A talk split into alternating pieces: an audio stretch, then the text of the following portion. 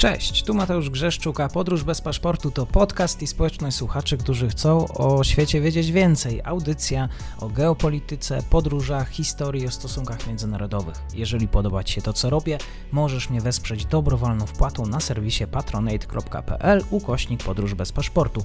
Serdecznie za to dziękuję, bo właśnie dzięki temu mam szansę rozwijać to miejsce. Obserwuj, polub i udostępniaj dalej. Zapinamy pasy, czas na kolejny odcinek podróży. Dzień dobry wszystkim słuchaczom. Dzisiaj odcinek niemiecki. Niemcy, które wzbudziły sporo emocji po publikacji rozmowy z panią dr Justyną Bokajło. Tam rozmawialiśmy o relacjach amerykańsko-niemieckich. Chciałbym wszystkich poinformować i podkreślić, że na tym podcaście zawsze pojawiać się będą różne opinie. Powtórzę również to, co pisałem w komentarzach, czyli najwięcej nauczyłem się od tych, którzy myślą inaczej niż ja i zachęcam do tego samego. Moim gościem jest pan dr Mateusz Wiliński z Polskiego Towarzystwa Geostrategicznego, wiceprezes do spraw studiów zachodnich. Dziękuję za przyjęcie zaproszenia. Dzień dobry, to ja dziękuję za zaproszenie. Niemcy i Francja wyszły jakiś czas temu z inicjatywą, że potrzebny jest ten reset w relacjach Unia-Rosja. Innego zdania oczywiście były kraje bałtyckie. Mm, tutaj twarde stanowisko wobec Rosji zdefiniowała również Polska. Tutaj cytat: Upokorzyły Francję. Sam Macron nie był zadowolony. Panie doktorze, jest tam taki zapis w dokumencie, dosyć techniczny. Ja już o to pytałem podczas poprzednich rozmów. Zapis o tym, że nadal będą podejmowane jakieś próby dialogu, ustalanie warunków, jak właściwie Unia może rozmawiać dalej z Rosją. Stąd moje pytanie do pana doktora, czy jest pan e, zaskoczony tym, co się wydarzyło podczas szczytu? Jak właściwie rozmawiać z Rosją z punktu widzenia Niemiec? Trudno nie zauważać Rosji na mapie Europy czy na mapie świata. To byłoby błędem, ale oczywiście jest pytanie, jak z Rosją rozmawiać i to Rosją, która wydaje się wielu państwom Europy nieprzyjazna. Nieprzyjazna poprzez aktualną sytuację dwustronną w relacjach z Ukrainą. Oczywiście to zawieszenie spotkań na szczycie pomiędzy Rosją a Unią Europejską e, jest efektem aneksji Krymu. Od 2014 roku takie spotkania nie miały miejsca, ale też państwa europejskie wskazują na e, podejrzenia ingerencji rosyjskich służb specjalnych e, w sprawy wewnętrzne. Oczywiście Nawalny, morderstwa na terenie państw e, zachodnich, przeciwników politycznych, zamachy na nich. To wszystko sprawia, że Rosja nie przystaje do tego wizerunku czy tego wyobrażenia o wartościach politycznych, najistotniejszych wartościach politycznych, które reprezentuje Unia Europejska. Z drugiej strony Rosja jest gigantycznym państwem, jest państwem dysponującym e, bronią atomową, jest ostatecznie e, partnerem gospodarczym państw unijnych, dostarczających im między innymi gaz ziemny, więc jest istotna, nie da się powiedzieć, że można ją absolutnie izolować. Natomiast taka propozycja, jaka została przedstawiona przez przywódców Niemiec i Francji, czasie ostatniego szczytu Unii Europejskiej, w czasie spotkania Rady Europejskiej, wydaje się być dyplomatycznie źle przeprowadzona. Sprawa, jak e, sam pan redaktor powiedział, jest powszechnie znana, powszechnie komentowana w mediach. Mówi się nawet o despekcie, czy wręcz o poniżeniu tych dwóch e, państw unijnych przez znacznie mniejsze państwa bałtyckie oraz Polskę, ale też i wśród polityków z Europy Zachodniej były, były różne e, głosy. Co ciekawe, o ile zazwyczaj nie zgadzam się z komentarzami polityków e, AfD, to ostatni komentarz e, dotyczący właśnie tej sprawy, wypowiedziany przez Jurga Mojtena, profesora Mojtena, który jest e, szefem delegacji AfD do Parlamentu Europejskiego, który mówił o tym, że dyplomatycznie, zupełnie niezgrabnie, bez odpowiednich wcześniejszych konsultacji przeprowadzana sprawa, wydaje się trafny, ponieważ e, rozmowa o Rosji nie dotyczy tylko państw Unii Europejskiej, ale dotyczy też Rosji, dotyczy sąsiadów Rosji nienależących do Unii Europejskiej. Więc przeprowadzenie tej sprawy w ten sposób, że jest ona powszechnie znana, a na dodatek e, część państw Unii Europejskiej wyraziła zdecydowany sprzeciw wobec e, wznowienia formuły spotkań na szczycie pomiędzy Unią i Federacją Rosyjską, pokazuje, że no, niestety przywódcy Francji i Niemiec być może nie dobrali właściwych środków, e, nie przyjęli właściwej taktyki w działaniach wewnątrz Unii. To teraz chwilkę o AfD, o którym pan doktor już wspomniał. Dwie kwestie. Całkiem niedawno w Polsce wybrzmiały te słowa jednego z liderów tej partii, posła Aleksandra Gaulanda, który podczas jednej z debat w Bundestagu z okazji 80. rocznicy napaści Niemiec na Związek Radziecki nazwał pakt Ribbentrop-Mołotow słuszną decyzją i zasugerował, że postawa Polski miała zmusić Stalina do porozumienia się z Hitlerem. Tutaj wspomniano też, że ta wypowiedź zapisała się czerwonymi zgłoskami w historii niemieckiego Bundestagu. Akurat tak obserwuję, nawet sam portal Deutsche Welle, tutaj dziennikarze często wspominają o delegacjach niemieckiej AfD, która odwiedza Moskwę. Tym podróżom oczywiście towarzyszy oburzenie, ale pomimo tych ogromnych napięć jakaś mała delegacja klubu parlamentarnego się tam wybiera. To jest tak, że ci politycy są tam rzeczywiście mile widziani? Proszę o wyjaśnienie, jak to jest z tymi kontaktami AfD a Rosja. Wypowiedź Gaulanda zdecydowanie jednoznacznie należy określić e, jako wypowiedź nie do przyjęcia. Tego typu retoryka nie powinna mieć miejsca w żadnym e, cywilizowanym świecie politycznym, w żadnym parlamencie. W parlamencie niemieckim absolutnie nieprzyzwoita. E, natomiast trudno po, no, uniknąć tego tematu, nie widzieć tego, że rzeczywiście mm, AfD jest swoistym narzędziem, czy może być swoistym narzędziem polityki rosyjskiej. W momencie, w którym duże partie parlamentarne, czy partie parlamentarne w ogóle niemieckie unikają czy ograniczają kontakty z przedstawicielami e, Rosji.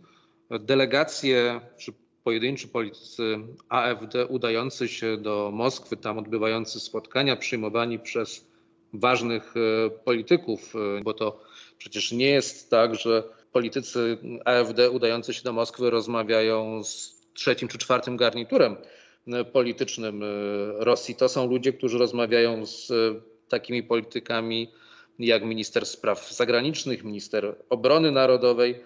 No chyba wszyscy się zgodzimy co do tego, że e, to są, e, to są poważne postacie, ale jednocześnie poprzez spotkania z takimi rozpoznawalnymi na skalę światową osobistościami rosyjskiego życia politycznego, z jednej strony uwiarygadniana jest AfD i wskazywana e, pośrednio jako partia dążąca do współpracy pomiędzy Zachodem i Wschodem, pomiędzy Rosją a Niemcami, no dość, dość przytoczyć jedno zdanie z wypowiedzi Jurga Mojtena, już, już wspominanego przeze mnie, który w 2018 roku mówił o tym, że Niemcy i Rosja to dwa wielkie narody tworzące wielką kulturę. No to już tego typu retoryka wskazuje na to, że buduje się, czy próbuje się budować te relacje E, wskazując wiodący charakter tych dwóch e, państw, e, co najmniej w Europie. Politycy AfD też bardzo żywiołowo reagowali na sprawę Nawalnego, nazywając ją przypadkiem niewyjaśnionym i wskazywali na to, że jakiekolwiek dyskusje na temat wstrzymania relacji gospodarczych z Rosją, szczególnie w perspektywie uruchomienia Nord Streamu, są nie do przyjęcia, ponieważ Niemcy za sprawą takiego niewyjaśnionego przypadku nie mogą narazić na szwank swoich własnych, zaspokajania swoich własnych potrzeb. Jeszcze niedawno mówiło się w Bundestagu, straszyło się tym ekstremizmem niemieckim. Czy ten kierunek polityki ma swoich zwolenników? Bo oczywiście politycy odłączają się od tego typu kwestii. Warto przytoczyć e, deklarację kierownictwa CDU o tym, że nie widzi możliwości układów koalicyjnych z AfD. Wydawać by się mogło, że politycznie D i CDU są sobie w parlamencie e, federalnym najbliżej. No ale już słyszeliśmy właśnie z ust Armina Laszeta taką właśnie deklarację. Trudno sobie też wyobrazić, żeby AfD mogła zawiązać koalicję z którąś z pozostałych partii parlamentarnych. Widać też to, że partie nie nawiązują takich relacji na poziomie landów. Ostatnie wybory krajowe przed wyborami wrześniowymi, wyborami federalnymi odbyły się niedawno w Saksonii-Anhalt i tam zdecydowane zwycięstwo CDU, choć nie dając większości parlamentarnej. Drugą siłą polityczną jest AfD, ale oczywiście koalicja CDU, AfD e, nie wchodzi w rachubę. Czy to są tylko czcze deklaracje? Dobrze, że te deklaracje są, one są wyraziste. Pozostaje mieć nadzieję, że nie dojdzie do takiego klinczu politycznego, że kiedykolwiek partie demokratyczne będą czuły się zobowiązane do współpracy, czy przymuszone do nawiązania współpracy z alternatywą e, dla Niemiec. Ale warto też wspomnieć, że oprócz tych deklaracji polityków y, jest wiele działań obywatelskich, które też wskazują wyraźnie na brak akceptacji linii politycznej y, AfD. To jest między innymi wiele przykładów odmawiania najmu hoteli czy sal konferencyjnych na spotkania organizowane przez te partie albo organizacje z nią powiązane. To są działania w przestrzeni publicznej pokazujące brak akceptacji dla rozwiązań proponowanych przez AfD.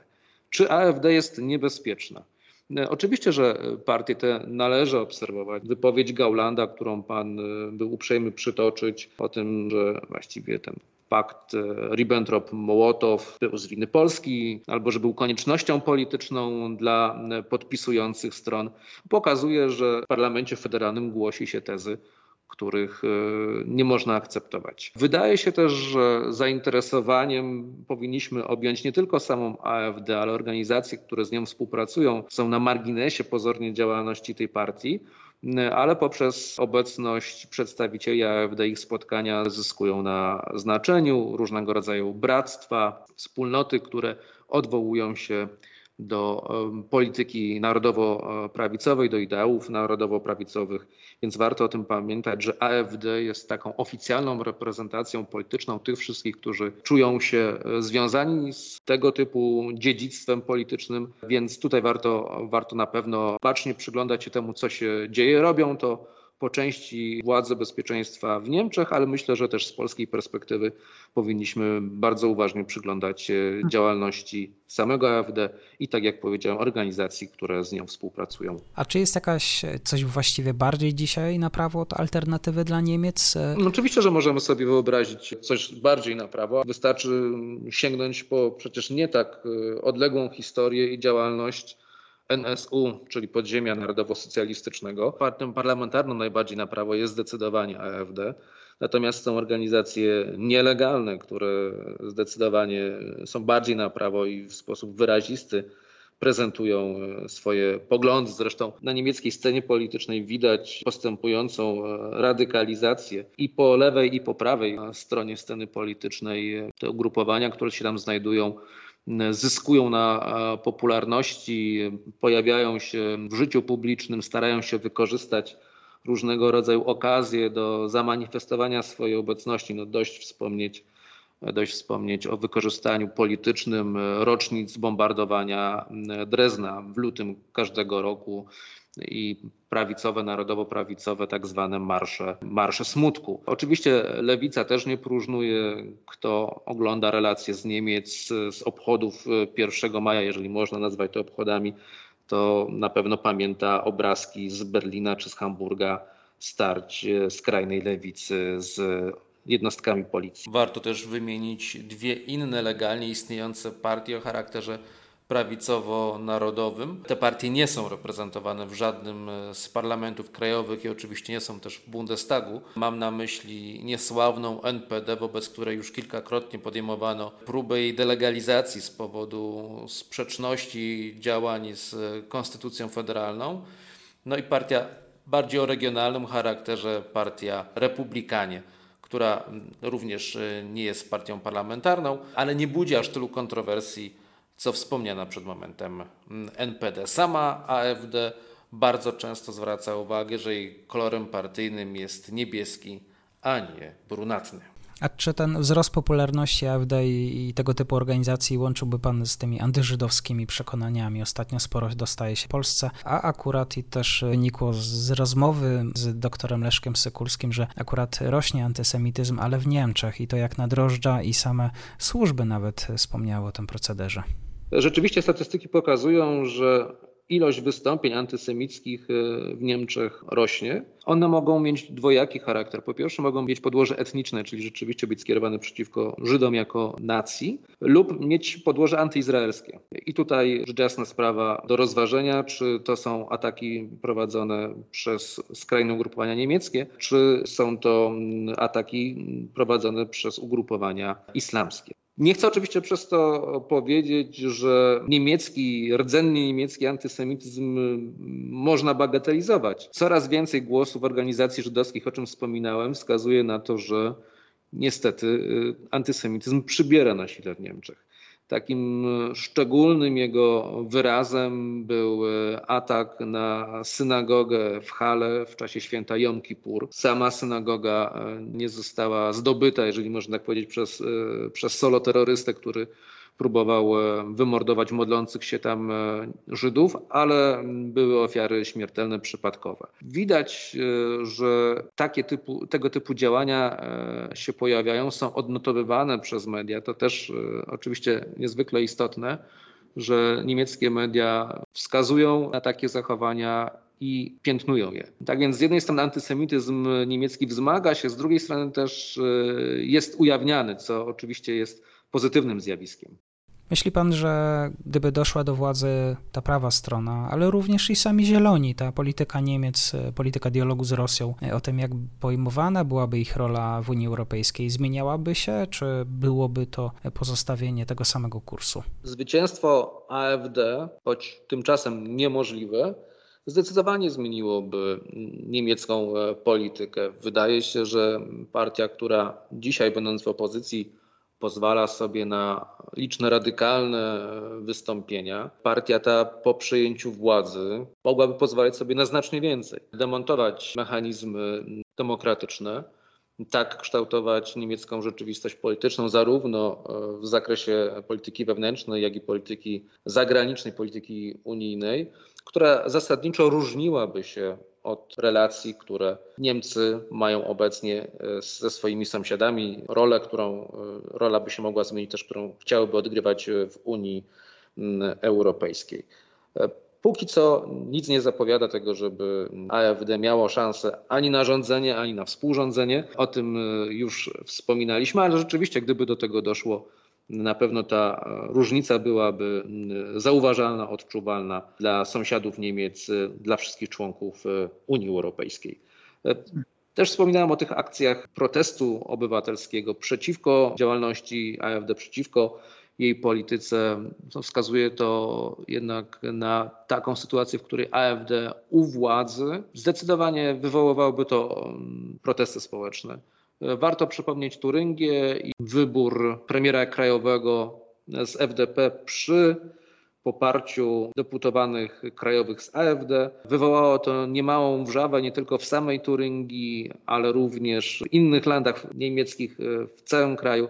Ostatecznie do władzy powrócił Ramlo, który reprezentuje Die Linke, ale ustąpienie premiera z FDP było wywołane właśnie tym, że niezadowolenie i wśród zwolenników a samego FDP, ale i innych partii demokratycznych wywołało to, że uzyskał on nominację, a właściwie uzyskał on urząd dzięki poparciu czy przy poparciu AfD. Taki znaczący gest w momencie składania gratulacji nowemu premierowi krajowemu przedstawicielka lewicy rzuciła bukiet e, pod jego nogi, a nie wręczyła mu go tak jak się dzieje to klasycznie. Był to taki jasny sygnał braku poparcia, braku akceptacji po, dla polityków, którzy opierają się na poparciu AfD.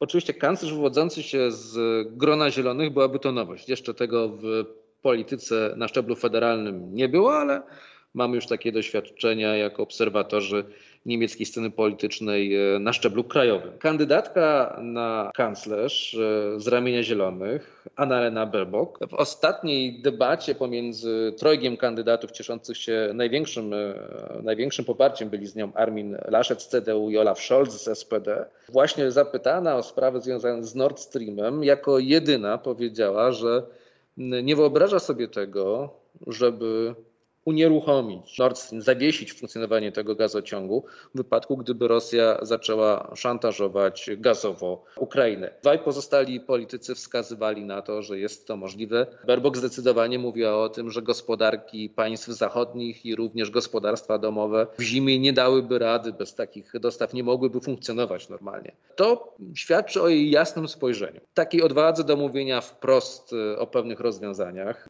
Zarzuca się jej co prawda to, że nie ma doświadczenia politycznego, które predestynowałoby ją do objęcia tak ważnego urzędu i to zdecydowanie różni ją od y, kandydatów CDU i SPD, Armina Laszeta i Olafa Scholza. A czy właściwie polska historia jest obecna w Niemczech w kontekście Westerplatte, Wielunia? Czy dzieci uczą się o tym w szkole? Bo jak można podsumować tę niemiecką politykę historyczną? Bo chcą być ostatnio bardziej tymi pokrzywdzonymi niż tymi, którzy właściwie mieliby wziąć odpowiedzialność za jej przebieg. Instrumentalizacja historii jest dla mnie sprawą bardzo ciekawą. Wspominałem o marszach żałoby, marszach smutku, które organizują skrajnie prawicowe ugrupowania w Dreźnie przy okazji kolejnych rocznic bombardowań tego miasta. Ale warto zwrócić uwagę nie tylko na to, co robią organizacje o wątpliwym charakterze, ale jaka jest oficjalna retoryka pojawiająca się w ramach obchodów, oficjalnych obchodów tych rocznic E,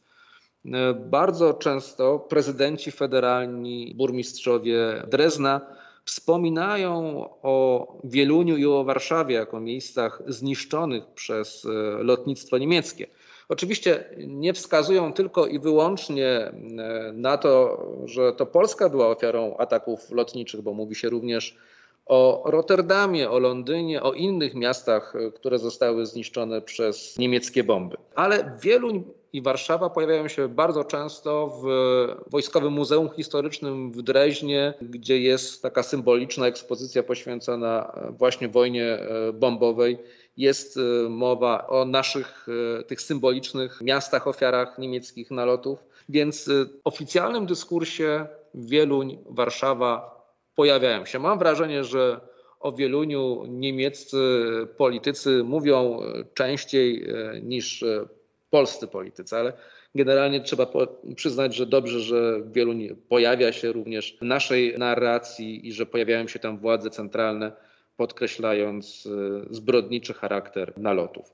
Ale jak, kiedy mówimy o Dreźnie, to trzeba też e, przyznać, że na zachodzie Europy i w Stanach Zjednoczonych toczy się poważna debata o tym, czy taka skala wojny e, bombowej, nalotów dywanowych skierowana, te akcje skierowane lotnicze przeciwko III Rzeszy, czy były uzasadnione? Rozmowa o Dreźnie ma tutaj szczególny charakter ze względu na rozmiar zniszczeń, ale też rozmowa o Pforzheim, czy rozmowa o e, zniszczeniu Hamburga. Te dwa pierwsze miasta wymienione przeze mnie, czyli Drezno, Pforzheim, były to miasta, które u schyłku wojny zostały zniszczone, więc pytanie o konieczność e, operacyjną, strategiczną tego typu działań, krytyka anglosaskich planów wojennych, szczególnie zogniskowana na osobie Harrisa, e, szefie angielskiego dowództwa lotnictwa bombowego. To wszystko jest aktualne, więc cierpienia ludności cywilnej związane innymi z nalotami dywanowymi są elementem ogólnoeuropejskiej, powiem więcej, ogólnoświatowej debaty. Akurat w wypadku Drezna trudno mówić o tym, że władze, czy to miejskie, regionalne, czy władze federalne, próbują e, zinstrumentalizować te wydarzenia do zyskania pozycji narodu bez winy, narodu ofiary. Mówi się o niemieckich ofiarach, ale też w tym kontekście mówi się o ofiarach wywodzących się z innych państw. Ostatnie lata to oczywiście to pojednanie polsko-niemieckie, jednak e, pojednanie, które ma też e, swoje współzależności, bliskość gospodarcza. Stąd moje pytanie, czy ta wymiana, skala e, wymiany handlowej, czy to jest właściwie partnerstwo, czy właśnie też uzależnienie, jak te relacje handlowe Niemiec i Polski wpływają na te kontakty na najwyższym szczeblu politycznym, czy politycy biorą pod uwagę ten fakt pod kątem dywersyfikacji łańcuchów, takiej internacjonalizacji, tempa nadrabiania różnych historycznych zaległości, doganiania siebie wzajemnie. Dywersyfikacja relacji politycznych i gospodarczych jest e, zawsze korzystna. Zdanie się tylko na jednego partnera osłabia pozycję negocjacyjną e, państwa słabszego w tej relacji, więc rzecz jasna, że wszelkie działania skierowane e, na to, żeby krąg naszych partnerów gospodarczych poszerzyć, żeby nawiązywać szersze relacje albo intensyfikować relacje gospodarcze z różnymi partnerami wydaje się co oczywiste słusznym kierunkiem. Sąsiedztwo geograficzne Niemiec i Polski sprawia, że w sposób naturalny jesteśmy dla siebie istotnymi partnerami. Pokazują to ostatnie badania, ostatnie publikacje Federalnego Urzędu Statystycznego wartości w miliardach euro w roku 2020, eksport do Polski 65 miliardów euro, import z Polski 58 miliardów euro. To są duże wartości, one oczywiście też są nie tylko w liczbach bezwzględnych e, istotne dla obu gospodarek, ale jeżeli przypatrzymy się tej publikacji Urzędu Statystycznego, Federalnego Urzędu Statystycznego, to widać, że Polska zarówno jako importer, jak i jako eksporter znajduje się w pierwszej dziesiątce gospodarczych e, partnerów Niemiec. Czy ta współpraca gospodarcza nie jest po części nacechowana uzależnieniem czy wykonywaniem e, mniej istotnych prac przez, przez Polskę. Oczywiście, jeżeli chcemy zmieniać nasze relacje, e, nie tylko z Niemcami, ale ze wszystkimi partnerami gospodarczymi, z którym Polsce przychodzi się stykać, to warto pamiętać o tym, że im bardziej innowacyjna gospodarka, tym większe szanse na zaciekawienie takich partnerów, na rozwój e, eksportu. E, i pozyskiwanie do współpracy tych wszystkich, którzy polskimi rozwiązaniami, polskimi technologiami chcieliby się zająć. I też wnoszenie tego typu swoistego wiana do współpracy międzynarodowej gospodarczej i to rozumianej e, bardzo szeroko, nie tylko poprzez na przykład produkcję żywności, ale przez wysoko skomplikowane rozwiązania stosowane w przemyśle, e, stosowane w motoryzacji, stosowane w przemyśle obronnym też. Tu jest nasza rola, nie można gniewać się na naszych partnerów, że mają lepsze rozwiązania od nas w niektórych obszarach. Warto promować polskie talenty, warto wskazywać, gdzie są nasze mocne strony, gdzie jest dobry obszar rozwoju. Jeżeli słyszymy, że nasi studenci, choćby informatyki, bardzo często zajmują czołowe miejsca w różnego rodzaju międzynarodowych konkursach, no warto warto wspierać e, ich rozwój, warto wspierać rozwój tych obszarów. Tam, gdzie jesteśmy słabszym partnerem gospodarczym, ale umiemy wykorzystać nasze atuty, warto o tym pamiętać i warto to robić, ale zdecydowanie dla Polski korzystne byłoby odejście od państwa o statusie stosunkowo taniej e, siły roboczej, bo to nie sprzyja rozwojowi koniunktury, rozwojowi popytu wewnętrznego, nie zwiększa możliwości obywateli Polski w sposób tak znaczny jak e, współpraca równego z równym. To jeszcze poproszę o słowo na temat relacji polsko-niemieckich. Polska i Niemcy właściwie ponad trzy dekady stanęły w obliczu tej zmiany wszystkiego. Jakie widzi pan doktor perspektywy dalszej współpracy na linii Berlin-Warszawa? Naszym słuchaczom moglibyśmy e, zaproponować tekst e, autorstwa Filipa Fritza, który ukazał się niedawno na łamach e, Die Welt, właśnie przy okazji obchodów 30. rocznicy podpisania traktatu o dobrej, o dobrym sąsiedztwie i przyjaźni pomiędzy Polską a Niemcami. Autor ten wskazuje z jednej strony na to wszystko, co Niemcy niepokoi w polskiej polityce, w polskiej sytuacji e, wewnętrznej, ale z drugiej strony wskazuje na to, że Niemcy też przez wiele lat ostatecznie nie traktowały Polski jako równego partnera.